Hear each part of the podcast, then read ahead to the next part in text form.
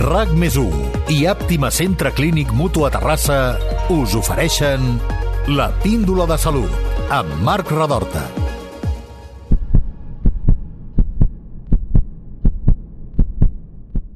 Si dic la paraula angiologia, què us ve al cap?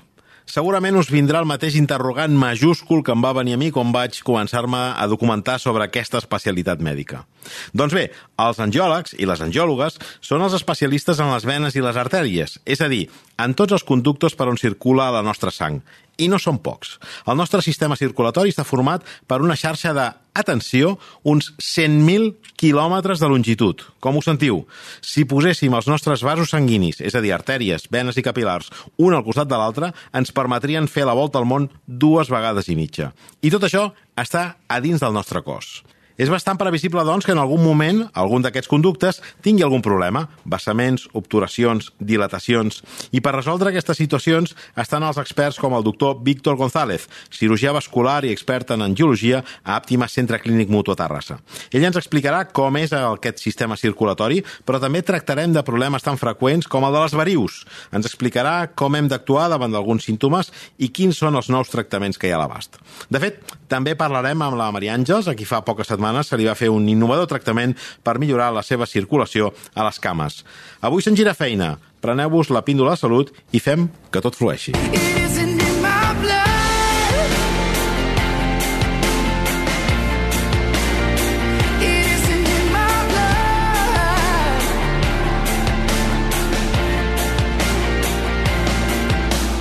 Doctor Víctor González, cirurgià vascular i expert en angiologia òptima Centre Clínic Mutu a Terrassa, benvingut a la Píndola Salut. Moltes gràcies. Preparant aquest podcast d'avui m'ha passat un fenomen estrany i és que quan més llegia, més complicat ho trobava tot. No sé si és normal o no, si m'he de preocupar. Bueno, és habitual. És, és, habitual, és, habitual, és habitual. Anem a intentar aclarir conceptes eh, i comencem pel sistema circulatori. Què hem de saber? Així, però, titulars, eh? És a dir, vas estar 10 anys estudiant això, ara ho hem de concentrar, no et direm 10 segons, però pràcticament. Una confusió molt habitual que tenen els pacients quan venen a la consulta és eh, les malalties de les artèries uh -huh. i mhm. de les venes, sí. que són molt diferents i en canvi pues, la gent quan s'informa pel seu compte pues, hi, ha, hi ha tendència a confondre-les uh -huh. i tenen diferent gravetat, diguéssim uh -huh. així, i això fa que a vegades vinguin més espantat del que caldria als, als pacients. Llavors, el, el, els que us dediqueu al sistema circulatori, quines són les uh, malalties més freqüents que tracteu? Pues, eh, la més freqüent, sens dubte, són les varius, sí. perquè és una malaltia molt freqüent a, sí. a la població. I després, eh, passant a les artèries, sobretot eh, malalties de falta d'irrigació, eh, sobretot a les cames. Uh -huh. També al coll, als braços, però sobretot a les cames.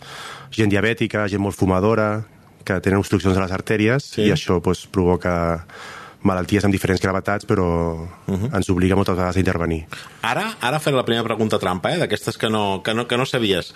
Vaig llegir en algun lloc, confirmar si no, que la gent que acostuma a tenir els peus freds o les mans fredes és un problema d'irrigació i de circulació. És així o no?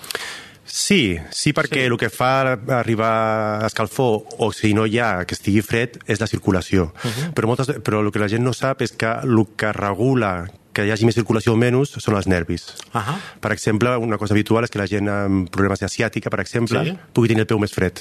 Ah. perquè el nervi està, està malalt, diguéssim. Uh -huh. Aleshores, sí que, sí que els hi arriba menys sang, uh -huh. però perquè el nervi està, està afectat però normalment molta gent ho té i no, i no sol tenir gravetat. És una clar. consulta molt freqüent, de fet, aquesta. Veus? A l'hivern, sobretot. Clar, clar, clar, però no ens hem de preocupar excessivament. Eh? A, la majoria, a la majoria de casos no té importància. A vegades s'ha de fer alguna prova, alguna exploració i tal, però no, no sol tenir molt bé. Doncs, conseqüències. Doncs, doncs ja em queda clar, i, i tampoc era tan, uh, la pregunta era tan estranya si acostuma, si acostuma a fer-la la gent.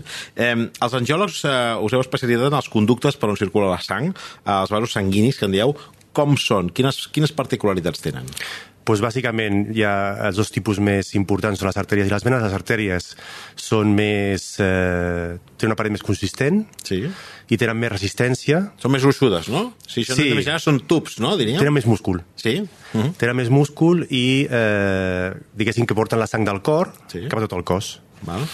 Eh, en canvi, les venes uh mhm. -huh. són més toves, com un dit de guà, és el típic exemple que es posa. La, vena és, és quan ens treuen sang en una anàlisi, sí. és la vena, allò, I, eh? a més a més, són estar més superficials que les artèries. Correcte. Per això es veuen més. Uh -huh. però són, són molt elàstiques. Sí? Per, per, això permet que faci una mica com de reservori. Sí. Si cal que tingui molta sang, es dilaten, uh -huh. i si cal que Val. no, es, es buiden. Uh -huh. Per exemple, doncs, quan fa calor se'ns noten molt, i quan fa fred no, uh -huh. perquè té aquesta, aquesta capacitat d'inflar-se més o menys segons calgui. I ara diré una altra cosa que també se m'acudeix. Ara ja veuràs que de preguntes trampes n'hi ha moltes. Quan es fan una anàlisi, clar, punxen una, una vena. I per tant li fan un forat. Quan treuen l'agulla, per allà no, no, no es vessa la sang. No, entenc que allò no és crític ni passa res, no? Diríem, És una, però... és una bona pregunta. A veure, hi ha tots uns, tots uns sistemes eh, tan mecànics que per això s'apreta una estona, Sí. com, de, com de fisiologia, o sigui, de, de resposta natural del cos, Sí. eh, que principalment són les plaquetes, en aquest cas, que està pensat perquè quan hi ha un forat es van, es van amuntegant allà, allà sobre del forat i fan com, una, com un tap natural. Mhm. I per això deixa de, És curiós. de sangrar. Sí, sí, déu-n'hi-do, déu nhi déu eh, Quines són les afectacions més freqüents, no les malalties, eh, que ja ens més o menys les has explicat, eh, però entenc que tots aquests vasos, totes aquestes venes, aquestes artèries es poden embossar, trencar, dilatar, no? I Sí, alguna, li poden passar més coses o no? Efectivament, efectivament. Tu ho has dit molt bé. Bàsicament, eh, doncs, com, tota, com qualsevol tuberia, no? que es foradi Correcte. sangri més del compte, que s'obstrueixi, Sí. que és potser la... Això és el que en dieu la trombosis, no? Sí, uh -huh. passa que bueno, aquesta paraula és una paraula que surt molt a la consulta, Sí. que espanta molt a la gent, però que és, que, però és que és molt genèrica. Aclarim-la. Aleshores- Aclarim el concepte. Aleshores, clar, anem des d'una trombosis eh, d'una artèria cerebral que pot fer un ictus, Correcte, que això seria un dels casos més greus, no? o d'una artèria del cor que pot fer un infart, que normalment es produeix després d'un procés llarg de que l'artèria a poc a poc es va obstruint Sí. per colesterol Sí. i altres coses, i finalment es trombosa. I altra malaltia molt diferent és una trombosis d'una vena, que eh, fa el contrari, fa que s'infli el lloc on estàs. Si és una vena d'una cama, s'infla la cama. Val. És una obturació. És una obturació, però És vull una dir obturació. que eh, en quant a implicació Sí, sí, depèn, depèn molt d'on és molt està diferent, passant. és molt, Està me, molt menys greu una trombosis d'una cama Sí. Que no pas una trombosis d'una artèria del cor. Correcte. Però en canvi la gent moltes vegades a la consulta és que el meu avi va tenir una trombosi i es va morir d'això. Ja. Ja, però és que el del seu avi millor era un ictus i és Sí, molt sí. diferent que el que té Correcte. vostè. En canvi és una paraula que, diguéssim, espanta molt. És, és èpica. Si tens una trombosis, home, és una cosa que tu dona la sensació que dius, déu nhi no? Una trombosis. I dius, bueno, potser has tingut una obturació a la cama i no, no t'ha impedit pràcticament res, no? Una de les coses més, eh, més agradables, per dir-ho així, de Sí. la nostra feina moltes Sí. vegades és eh, desentrolligar aquestes dubtes i Sí. la gent que la gent se'n vagi més tranquil·la a casa. Correcte. I després també hi ha casos no, de, que les, de que les venes es, es, es, es, es desfan, no? És a dir, perden com aquesta consistència. Sí, bueno, això és que si el Els aneurismes, em sembla que eren, No, no? això, aneurismes són, solen ser la majoria arterials, Arterials, d'acord. que Ah. torna a ser una malaltia, diguéssim, seriosa, Mhm. perquè sobretot els, els de l'aorta, si es dilata molt, finalment es poden trencar. Mhm. Exacte. I aleshores és una dilatació ja fins al final i, es, i s'acaba esquinçant. s'ha de no? detectar abans per, per arreglar-ho abans de que, de que es trenqui. Amb les venes no passa això. Més difícil. N'hi ha, però són raríssims. És molt estrany, és molt estrany. Són molt raros. Molt bé. Eh, quins, quins motius porten aquest tipus de problemes? Per què es produeixen aquestes obturacions, aquests trencaments, aquestes dilatacions? Bueno, pues, novament hi ha motius molt diferents Mhm. amb el, les malalties d'artèries i malalties de venes. Amb malalties d'artèries, eh, els factors, diguéssim, que ens han de preocupar són pues, eh, l'edat, passa més amb homes, eh, fumadors, diabètics, malalts amb la pressió alta, eh, Antecedents. antecedents familiars també, colesterol alt, Mhm. etc. Això per les artèries. Correcte. Per les venes, en canvi, i altres, eh, passa molt més amb dones, Sí? no, no han de ser tan grans, sí que és més en gent gran, però també passa amb gent jove, eh, gent que pateix varius, gent amb obesitat... Eh, eh, Parem-nos un moment aquí, perquè has dit que afecta més a les dones. En quina proporció? O només afecten a les dones? O realment també hi ha homes amb varius? No, a veure, una proporció més gran de dones, Sí, potser, potser un 60-40 o un Per dir alguna, 70-30, sí. Mhm. però també afecta a homes. Sí, sí, passa que és més freqüent amb, És amb més... dones. I, I per què? Hi ha una explicació Hi ha, fac- jo crec que, o no? mm, Es pensa que és un factor hormonal. Hormonal. Perquè, per exemple, el prendre anticonceptius, Sí. Mhm. l'embaràs... eh, trac- La, menopausa, potser al final. el factor hormonal influeix molt amb els símptomes eh, venosos. I jo penso que també hi ha un factor de viatge de que les dones consulten més també. Correcte. Els homes som una mica més despreocupats, diria sí, jo. Sí, ja anirem al metge quan ja no puguem caminar. Uh, sí, hi ha una mica d'això també. Sí, sí, déu-n'hi-do. Eh, Centrem-nos també exactament en el tema de les, de les varius, que és eh, també una mica, el, el, el, una mica per què Sí, volíem sí. fer aquest podcast, no? Um, deies que, que hi ha molta més prevalença en les dones que, que en els homes. Eh, què són exactament les varius? Quins problemes poden comportar? Les varius, bàsicament, eh, és una, un problema de que les venes no fan bé la seva funció. I quina és aquesta funció? Pues portar la sang de tot arreu, Sí. de tornar del cor. Val. Afecta molt més a les cames per raons eh, òbvies de situació de les cames, que és el que està més a baix. De gravetat, no? Exacte. I eh, no se sap ben bé per què, però aquesta paret de les venes s'afableix i després hi ha unes vàlvules uh -huh. que fan que la sang pugi però no pugui baixar i aquestes vàlvules emmalenteixen. Uh -huh. No funcionen bé i eh, aquest retorn no es fa correctament. Aleshores es comença, com s'acumula sang, diguéssim, es comencen a dilatar, a dilatar, i és quan apareixen les varius visibles que tots coneixem. Però podem tenir varius sense veure-les? No, És infreqüent. és infreqüent. És infreqüent. És Es, infreqüent. es pot tenir insuficiència venosa sense masses varius, però és raro. I com, com sabem que tenim una variu? Què hem de veure en la cama? Bàsicament una vena tortuosa, Sí. que fa moltes curves Sí. i molt dilatada. I molt dilatada. Hi ha, hi ha molts graus, I, i, que, eh? I que això va, va creixent, no? Va temps? creixent. És a, dir, a partir de quina edat això pot passar? És freqüent, suposo que ha d'haver-hi casos de tot. Mira, és una, Però- és una molt bona pregunta perquè moltes mares em venen amb, amb noies joves de 18, 20, 25 anys. És que, clar, tan jove no pot ser que tingui això. Però sí que pot ser. Sí que veiem, veiem eh, malaltia de varius realment amb gent molt jove. O sigui, I no és estrany. Pot passar.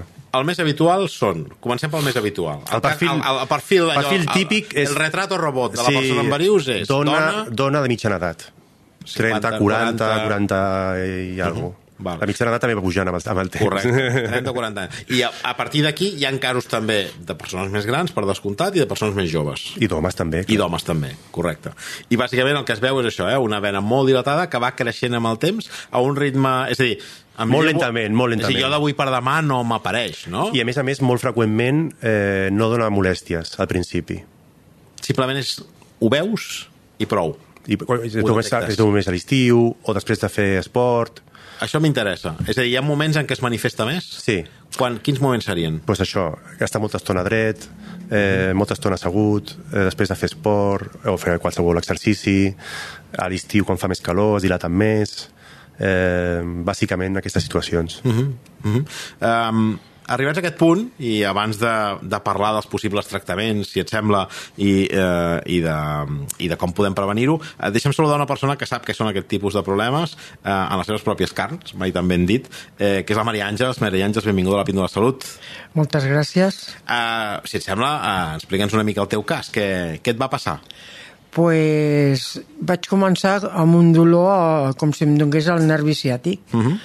I vaig pensar, bueno, ja m'ha donat una altra vegada, però el dolor, més d'anar a seguir cap en, per darrere, Sí. em va vindre cap endavant. De la cama, eh? Estem parlant? Sí, de la cama, però mm. em, em va vindre cap a la ingle. Val.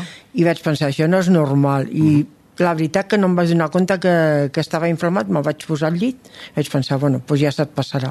Però l'endemà, quan me vaig aixecar, vaig veure que la cama no...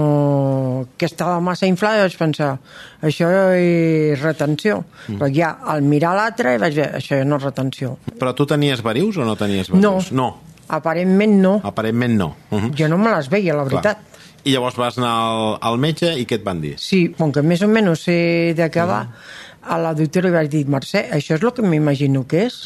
I diu, sí. Diu, ja pots anar cap a la mútua que et facin una, una ecografia per mirar-ho. I sí, sí, després ja, ja va seguir que, que sí, que van confirmar que era una trombosis. Val. Per tant, la prova diagnòstica que es fa habitualment, doctor, és una ecografia per aquest tipus Un, de un ecodoppler, efectivament. Eh, el tenim allà a la consulta al costat de, de la taula, diguéssim, del despatx, Mhm. i és la nostra eina fonamental per diagnosticar i per veure de què es tracta en cada cas. I per tant el resultat és immediat. és immediat, és En immediat. aquell mateix moment ja sabeu si hi ha problema, com de gran és, on està ubicat, no? No és una prova tan, tan, que dona tanta informació com un escàner o una Sí. ressonància, tal, però és molt immediata Vale. i dona prou informació moltes vegades com per ja poder posar un tractament i diagnosticar, etc. Uh -huh. Eh, I quan vas al metge i et fan les proves, Maria Àngels, eh, què et diuen? Et diuen que tens una, una trombosis a la cama Sí. i et diuen quins riscos hi ha, què pot passar a partir de llavors, què, què has de fer, què, què, què pues, t'expliquen? el primer que em van dir, repòs absolut, no et moguis per res perquè el trombo eh, pot córrer amunt. Si va cap avall no hi ha problema, bueno, dintre de la gravetat, però si va cap amunt, mm, el primer que em van preguntar si m'ofegava, si tenia símptomes de- d'ofec, i vaig dir que no. Això, això és interessant, perdona eh, que t'interrompeixi, Sí, sí, sí. però clar, els trombos es mouen. És una possibilitat. No sempre, però pot no passar. sempre, però les obturacions, aquesta, aquesta, aquest obstacle no, que hi ha dintre de la vena o de l'artèria, es pot bellugar. A veure, ens hem de fer una, la idea de que eh, n- el trombo amb el temps sí que es va eh, posant dur i va, es va fixant, uh -huh. però les primeres hores, primers dies, uh -huh. és com tou i gelatinós. Sí? I, i és aquí, en aquests temps, quan, eh, seguint la, la, la direcció de la sang normal, Clar. Es pot Desplaçar. desplaçar. Uh I si arriba a un lloc més sensible, més complicat, no? Totes les venes del cos, totes van al cor, Al cor. i del cor van al pulmó. Val. I quan, quan s'ha oxigenat la sang al pulmó, torna al cor per repartir-se per tot el cos una altra vegada. Per això, Que, per, que es bellugui no és bona idea. no, per això totes les, les embòlies venoses eh, van al pulmó, uh -huh. perquè és, eh, és un pas obligat eh, de la sang. I a partir de llavors què et van dir? Que, que fessis repòs? Sí, em van tindre, em van ingressar Sí. i em van tindre dos dies eh, allà i em van dir això, tenim que fer, desfer el, el coàgul Sí. i va, tindrem que fer un cateterisme però en més de fer-me un me'n van fer dos Sí. i vaig estar 48 hores amb, una, amb el cateterisme connectat Sí. perquè es desfés Uh -huh. a semi-intensius perquè per, anar, per estar més controlada Sí. i després diu, això m'ho van fer un dilluns i el dimecres em van dir et posarem un estent perquè la, la vena no es tanqui i que pugui circular Que això crec que és un tractament bastant innovador, no? Això, els, este els estem fins ara els, els associàvem al, a la part del cor. Vam fer una, una, una, una píndola de salut, una càpsula fa relativament poc, en què tenim un cardiòleg que ens explicava que això és una tecnologia que venia em sembla, dels anys 80 o 90, però ara veig que ja s'aplica fins i tot a l'aparell circulatori, a, a la part de les venes i les artèries. Sí, de fet, eh, la cardiologia ha sigut la, el camp on, on s'ha desenvolupat tota aquesta tecnologia, Sí. però de fet serveixen tant pel cor com per la resta de, Sí. de vasos sanguinis i tant per artèries, que és la part que fa servir el cor, com per venes. Uh -huh. I, I la veritat és que aquest últim camp d'estent eh, perifèric i a venes és un, on ara eh, s'està desenvolupant més, diguéssim, aquesta tecnologia que, que existeix també fa anys, eh? Uh -huh però que s'està creix, està creixent i eh, perquè el, el, ja ho he explicat perfecte el tractament habitual fins ara de les trombosis venoses era posar heparina o el síndrom famós sí. després Un medicament que... posar una mitja elàstica Sí. un anticoagulant Sí. i prou, i anar a fer controls a la consulta. Mm.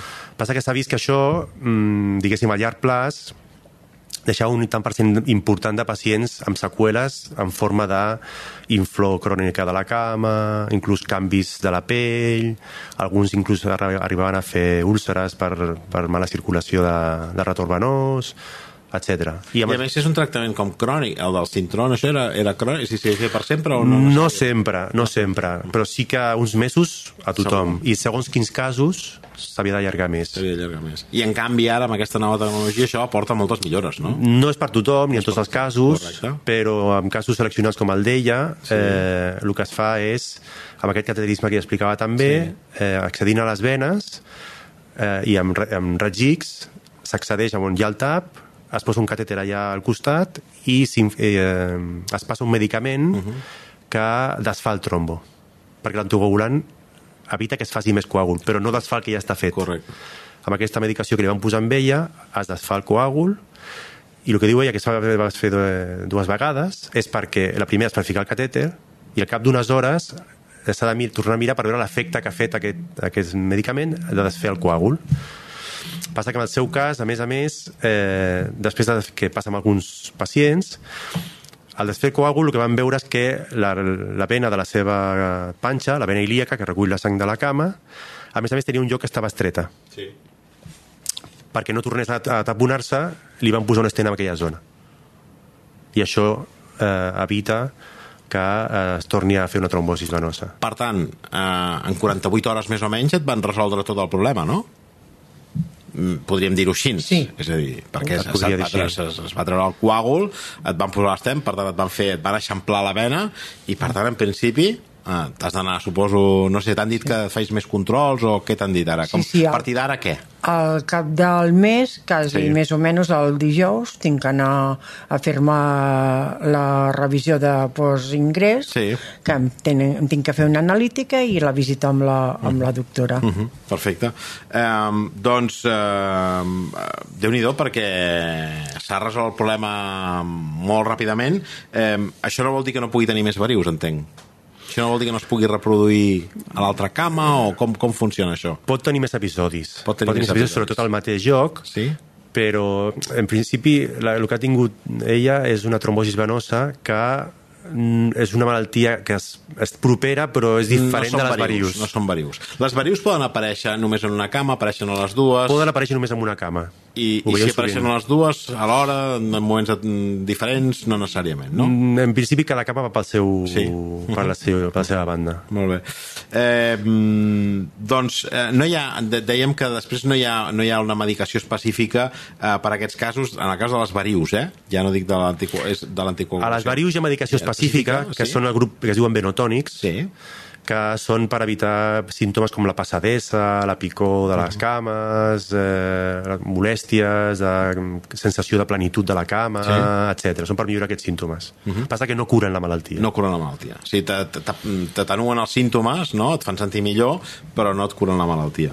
Molt bé. Eh, tu tenies antecedents familiars, Àngels, Sí, de tot això? jo, el pare del meu pare Sí. sí. ja es va morir d'una trombosi pulmonar. Uh -huh. I per la part de la meva mare també, el, el meu avi també en aquells anys li van fer el que abans passaven un, com un filferro per desentaponar i la meva mare també tenia problemes de circulació. Uh -huh. Déu-n'hi-do. Eh, hi ha maneres de, de prevenir l'aparició de, de les varius o d'aquest tipus de malalties venoses? Bueno, podem fer? amb el tema de les malalties de trombosis venoses, uh -huh. eh, bàsicament doncs, corregir el que es pugui els factors que hem dit abans doncs, de, de l'obesitat, dels tractaments hormonals... Però clar, hi ha altres coses que no es poden... Hi ha factors, evidentment l'edat no la podem canviar, no? I, i, el gènere, I el gènere tampoc. El gènere tampoc, l'herència genètica la, tampoc. És la que- és la que hi ha. És la però sí que...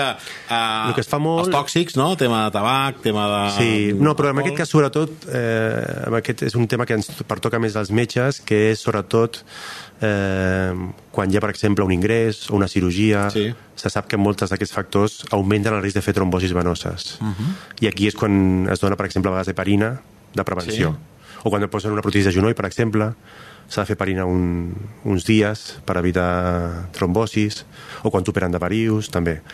I en quant a les varius, aquí sí que ja mm, no, no hi ha massa, massa cosa a fer fora pues, això de controlar la dieta, el pes, de no guanyar, de no, de no agafar quilos, uh -huh. i després les mitges elàstiques també uh -huh. van molt bé, però és una cosa que és molt familiar i que li toca, li toca. Uh -huh. Aleshores, És a dir, que et posis la mitja elàstica no, no vol dir que no en puguis arribar a tenir, eh? ah, exacte, exacte. treu alguns números de la loteria, en tens menys, però... Ajuda, No. però hi ha una càrrega familiar Clar. important que després ja només podem anar una mica, diguéssim, a darrere. Que et fa molt mal, t'ho parem. Que... I quan opereu, què feu? Molt bona pregunta. Els hi fem moltes perreries a les venes. Sí? Sí, les arrenquem, les cremem, els hi posem làser, eh, els hi fem radiofreqüència... Eh, Com pos- disfrutes, eh? Aquí Els hi posem... remenant venes, els hi se- se't veu, eh? Els hi posem espuma, eh, els hi fem de tot, però eh, el problema de la malaltia de, la, de les varius és que eh, té molta, molta tendència a tornar. Ja. I aquest és un gran, un gran hàndicap, que mm. ningú ha aconseguit encara Resoldre. resoldre. El que sí que s'intenta és que duri el màxim de temps del tractament que fem amb la mínima molèstia pel pacient, que això sí que ha millorat molt els últims anys. De les cirurgies més tradicionals, que estaves una setmana ingressat, ara que es fa tot eh, pràcticament sense ingressar, amb menys dolor, en fi, Això sí que ha avançat bastant. Són, són molt menys invasives, no? Ah, per tant tenen menys impacte i per tant també eh, hi ha menys riscos, no?, en el fons. Algunes les fem a la consulta, com és el cas de la- de l'esclerosi amb espuma. Uh -huh. déu nhi Doncs eh, moltes gràcies, doctor Víctor González, cirurgià vascular i expert en angiologia àptima Centre Clínic Mutu a Terrassa, per ajudar-nos a entendre una mica millor aquesta part jo diria que tan complexa de, les, de la medicina que són les malalties vasculars i Maria Àngels, moltíssimes gràcies també a tu per haver vingut a compartir el teu testimoni fins a la Gràcies. propera a tots dos Moltes gràcies. Moltes gràcies.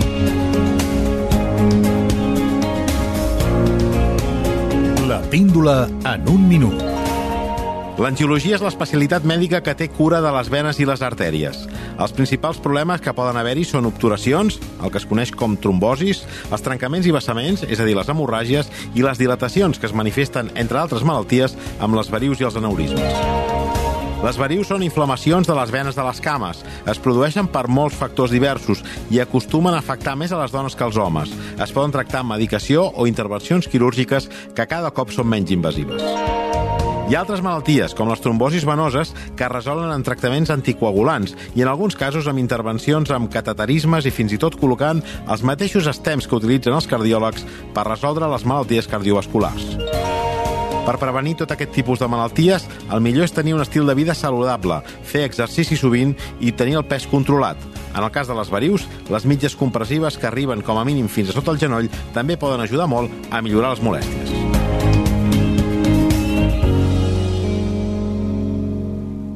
RAC més 1 i Àptima Centre Clínic Mutu a Terrassa us han ofert la píndola de salut amb Marc Radorta.